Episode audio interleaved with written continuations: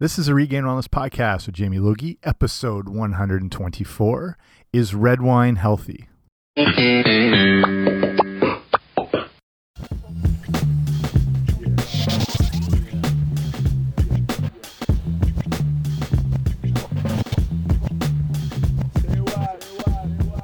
Hey guys, what's happening? Welcome back to the podcast. I'm Jamie Logie. I run regainedwellness.com, and this is Regained Wellness podcast of the same name. So thanks for coming on out today. If you're new here, extra special welcome. Um, while you're checking things out, I've got a ton of podcasts previous to this one covering every nutrition topic, health, fitness issue you can think of. I've got a lot of great interviews with. Um, you know, some New York Times best-selling authors, some food bloggers, contestants from shows like Top Chef, Master Chef.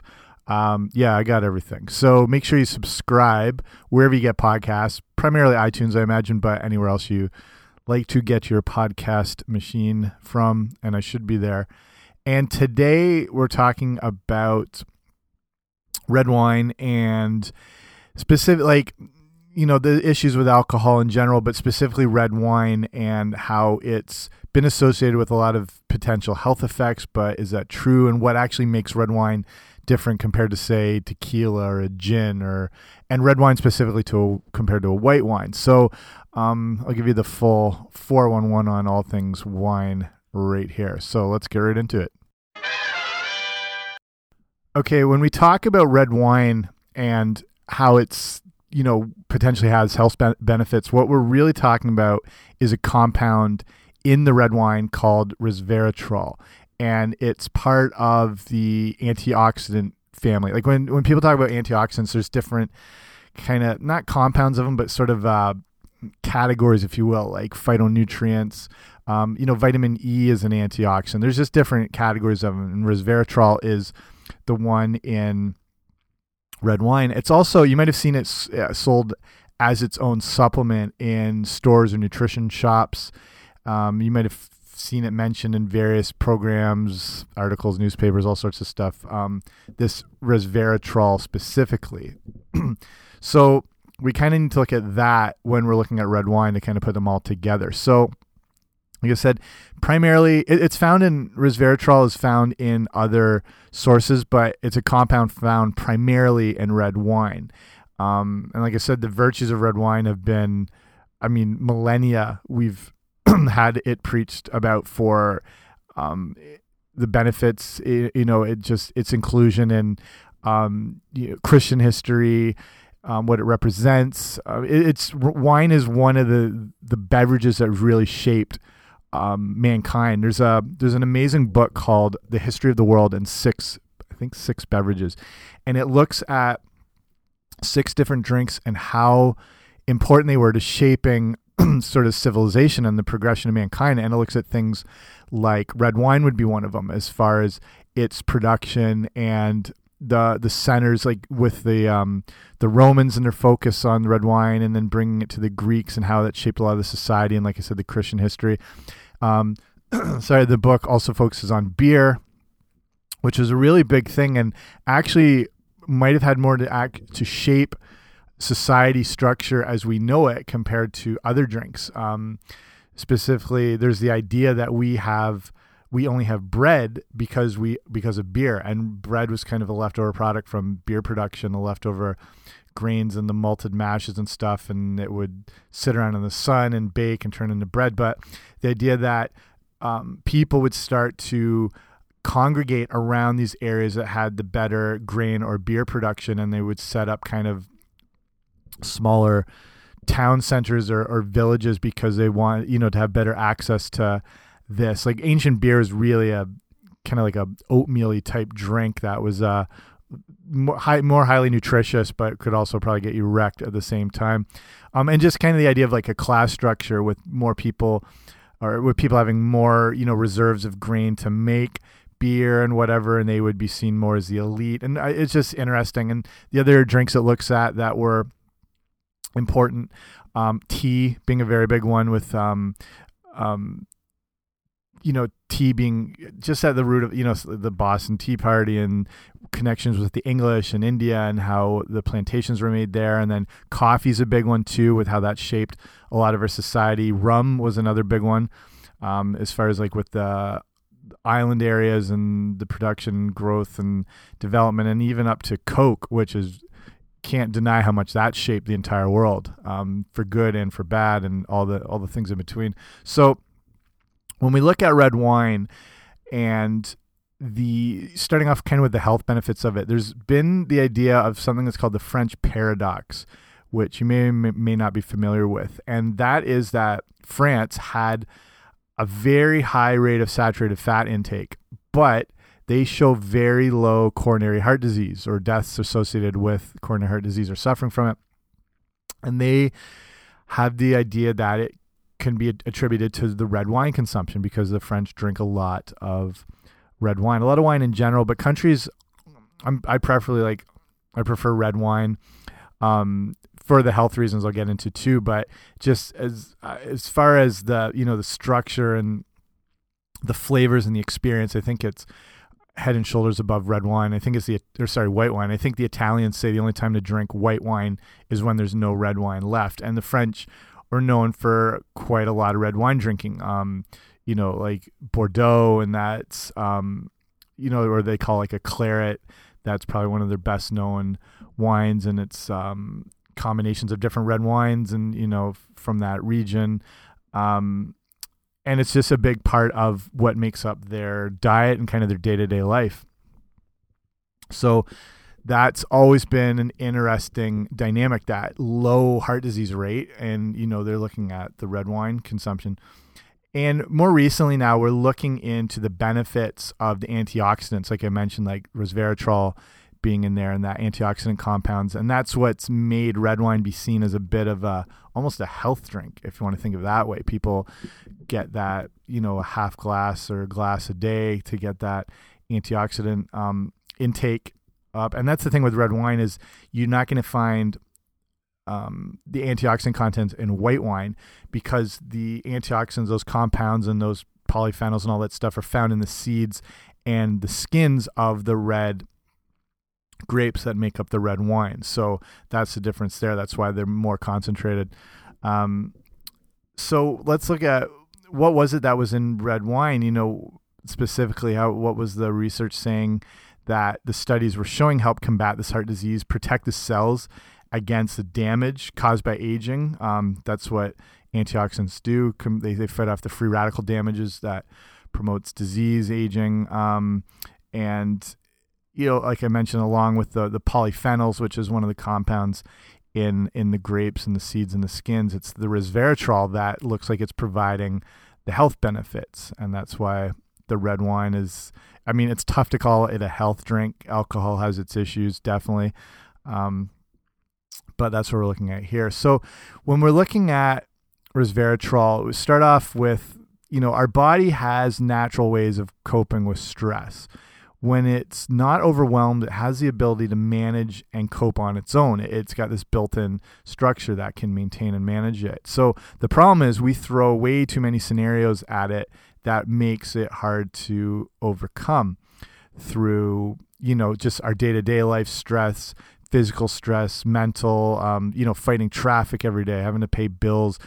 Uh, exposure to pollutants and toxins in the environment, all that stuff just overwhelms the body. So, Resveratrol, which I said is found in the skins and the seeds of the dark grapes, is able to activate a body response that is usually used to relieve stress. So, this is beneficial to most people as it is, but the resveratrol also, on top of that, helps the body, like I said, reduce the risk of heart disease, promotes that longer lifespan. It's that antioxidant effect um, and helping in the fight of some cancer. So these effects actually were studied by the Scripps Research Institute.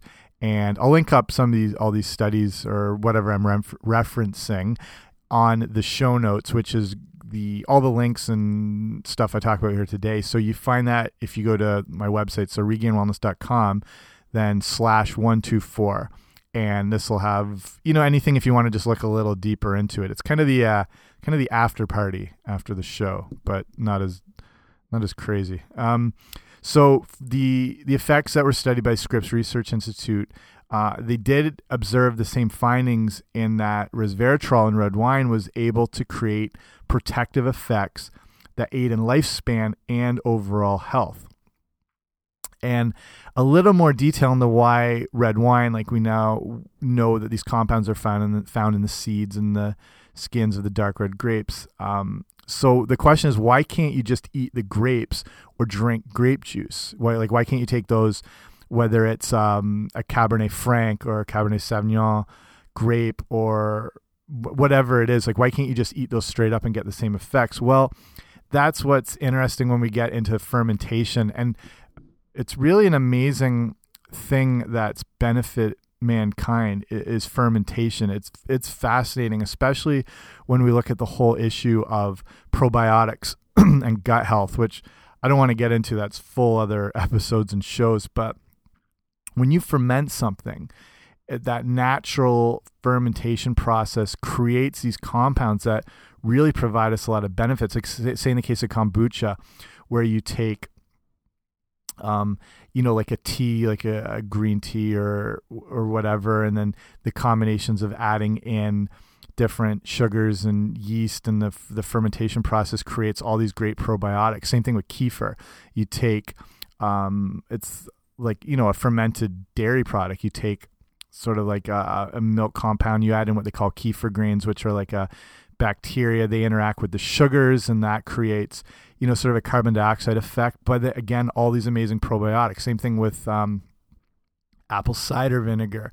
it's just it's amazing what this does and what its benefit um, has been to people. On the on the flip side of the fermentation alcohol process has got us in enough problems as it is too. So with the during the fermentation process, because the um, skins of the grapes are left on for a long time, that gets that deeper antioxidant resveratrol concentration in the um, the the red wine. And it's inter like it's interesting. Um, white wine actually can be made of dark grapes sometimes. Like uh, I'm trying to think of an example off the top of my head. Like maybe a Chenin Blanc, I think, is a darker grape, but because the skins aren't involved for too long, it's it leaves a lighter color. So the longer those skins are in contact or the longer they ferment in that process, the darker the wine, and that's what gives it a little more of um,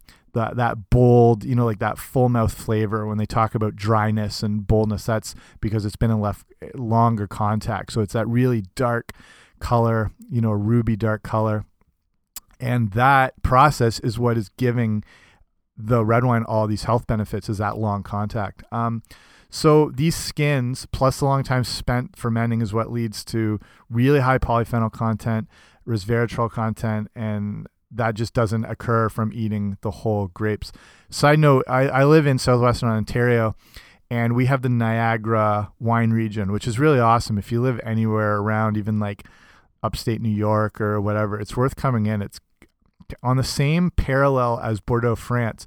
So it can get, you know, really warm and hot summers and is in kind of that right position on the earth to really benefit growth, especially red wine growth. And Niagara has some of the highest polyphenol content grapes of anywhere in the world. So if you buy if you live in, I mean, you can get them anywhere, but if you live in Ontario or whatnot, and you see brands like Jackson Triggs, um, trying to think of some of the other big ones. They they're going to have a higher antioxidant content com content compared to say red wine from like California or like Napa Valley or Sonoma or something like that. So, um, and that that's all thing. So, like I said, you can't, you know, you get some benefits eating whole grapes, but like it's just not the same. Like grape juice itself, too. It also doesn't spend time fermenting or in contact with the skins. Um, so just not the same effect there. So regarding resveratrol and supplement, there is the concern that it's not absorbed by the body very well, if at all. Um, so that's something to look out for, and that's really where alcohol is, is such a unique thing. I mean, as much as it makes us take our pants off and dance on bars, it, it really can help us in overall health and wellness. So it's just like a fruit juice left in its pure form. Again, it's going to provide some nutrients. There's going to be some vitamins and whatever, some minerals. But fermenting something into alcohol just creates compounds that not only, like I said, make you send drunk texts at 3 a.m., but provide um, benefits like uh, like you know we mentioned already about you know the coronary heart disease and whatever but it can raise the HDL in your body that's a good cholesterol it can reduce the formation of blood clots it helps prevent artery damage um, it produces changes in blood pressure it really does some amazing things again in moderation um, these effects are really, uh, uh, you know, when you have a glass or two of red wine, that's okay. When you have a bottle, the uh, counteract of that is not going to work out as well. So the moderation really does need to be addressed. So through all the research on the benefits of red wine, um, again, this that moderation idea utmost importance. It always comes up in all these studies and all these references moderation. So, um, you know, in my opinion, and I'd say the American Heart Association would suggest you just don't start taking up drinking as a way to prevent heart disease. There's still a lot of other good ways to do it through your exercise and um, your clean diet. But if you are you know, if you've been like if you've never liked alcohol or didn't want to drink, don't worry about it. You know, you can still get all these compounds again from other good food sources like um, dark, really dark uh, green leafy vegetables, dark chocolate, um, you know, nuts and seeds. Like you can still get this, but if you're someone who, you know, doesn't mind alcohol and you have drinks now and then, you're better off switching to red wine to make it a little more uh, uh benefit to your body. So yeah, there's, I mean, I, have done shows on, I'll link up, I have an episode all about alcohol and how it works in your body and the issues with hangovers. And we all know what can happen, you know, too much. And you end up doing karaoke, singing, living on a prayer one night.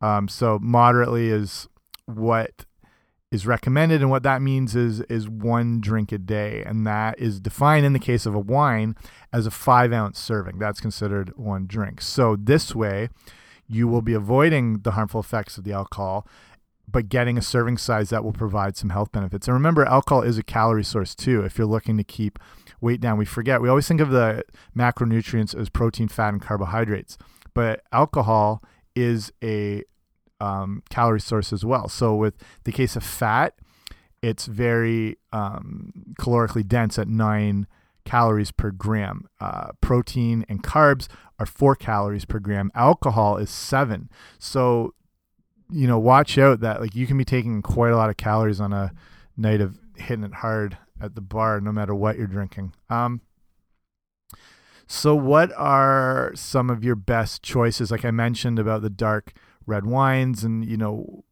what you you know like what you want to be looking for and some of the places you can find those. So the top choices for red wines again are those full bodied like I talked about, you know they they call them like high tannin wines. It's really got that like when they say high tannin, it's like makes your mouth sort of pucker, like your cheeks. You can feel it in your cheeks. That's that's high tannin, and tannin is an antioxidant, and again, also comes from the seeds and the skins of the grapes, and it just kind of fits in that whole category.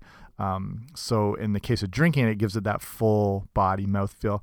Um, or if you want to call it dry or whatnot. So grapes grown in cooler climates, um, again, like I said in the Niagara region, can have higher resveratrol levels. So other good regions would be, um, you know, again in like France because it gets a bit cooler. Um, depending on the time of year, even in some, you know, Chilean or Argentina, South American wines because they have cooler climates. They can be good areas to pick from. So, variety wise, um, things like Malbecs you can get from lots of places like Spain's a, a good example. Um, Madiran wines, that's of southwest France. Pinot Noir is a really good one. It's one of the easiest grown grapes. It's very robust. It can handle a lot of situations cold, heat, whatever. Um, and it's grown in pretty much every country and region. So Pinot Noir, Pinot Noir, if anyone watched Unbreakable Kimmy Schmidt and remember Titus's Pinot Noir song, um, I should link that in here somewhere. Um, so again, like, and every country pretty much makes that. And Petite Sirah is another good variety of that super dark, high tannin antioxidant um, selection. So, as I mentioned, I'll, I'll, wrap it up here. As I mentioned before, you don't want to jump into red wine drinking if you've never have. I mean, you know, try it out, see if you like it a little bit, but you don't have to just take on this whole life of alcohol if that's just something that hasn't fit in with your lifestyle. So the first thing you want to do even before you get into that is, you know, make sure your diet's based on real whole foods, primarily fresh organic vegetables like you know double digit servings of non-starchy vegetables each day citrus fruits then go for the berries that have that antioxidant compound like uh, blueberries blackberries raspberries. They're all amazing. Um, you know your healthy fats your nuts and seeds. And that's um, you know after these things are established along with you know getting good activity exercise then you can look into further benefits through something like red wine. So if you find yourself consuming too much alcohol from beer or spirits, like if you, you like a lot of gin or tequila or whatever, this could be a good time to start reducing your intake of those things and replace them with red wine. I mean, I love like a good craft beer. Um, I love, I, I've worked in so many bars and pubs and I love what goes into true like I mean something like a Coors Light or a Budweiser that's just crap. That's I mean that's like the Coca-Cola of beers.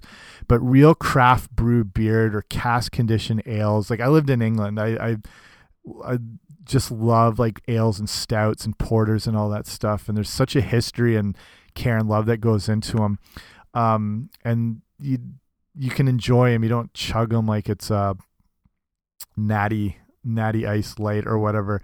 They are just um, something you, you something you just take your time with you're probably not as likely going to overconsume but that's the problem with like your regular beers is they're basically it's you're drinking liquid bread at that point with so many fillers and additives and and crap like that. Like that when i'm when i say when you're drinking like a big brand commercial version. So this would be a good time to you know maybe transition a bit into red wines. Um, and if i didn't say it enough remember without moderate consumption, the benefits of resveratrol um, and the red wine pretty much become void.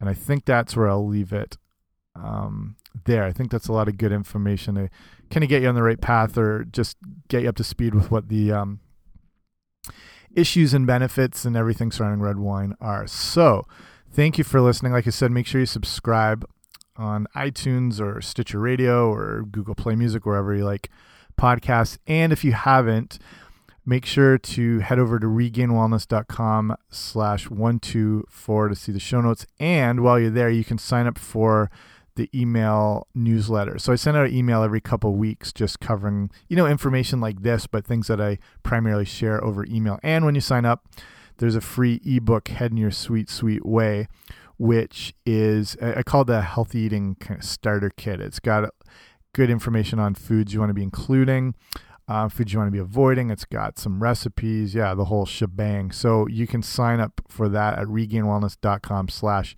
guide, and then it magically gets sent to you by the power of the interwebs. So, okay, that's it for me. Thanks for listening. See you soon.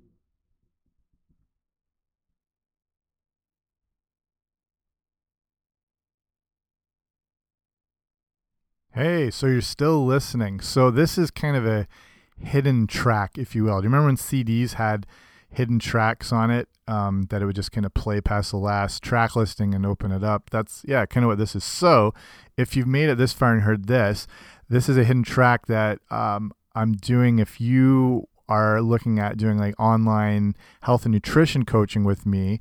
If you heard this, this will get you an extra free month.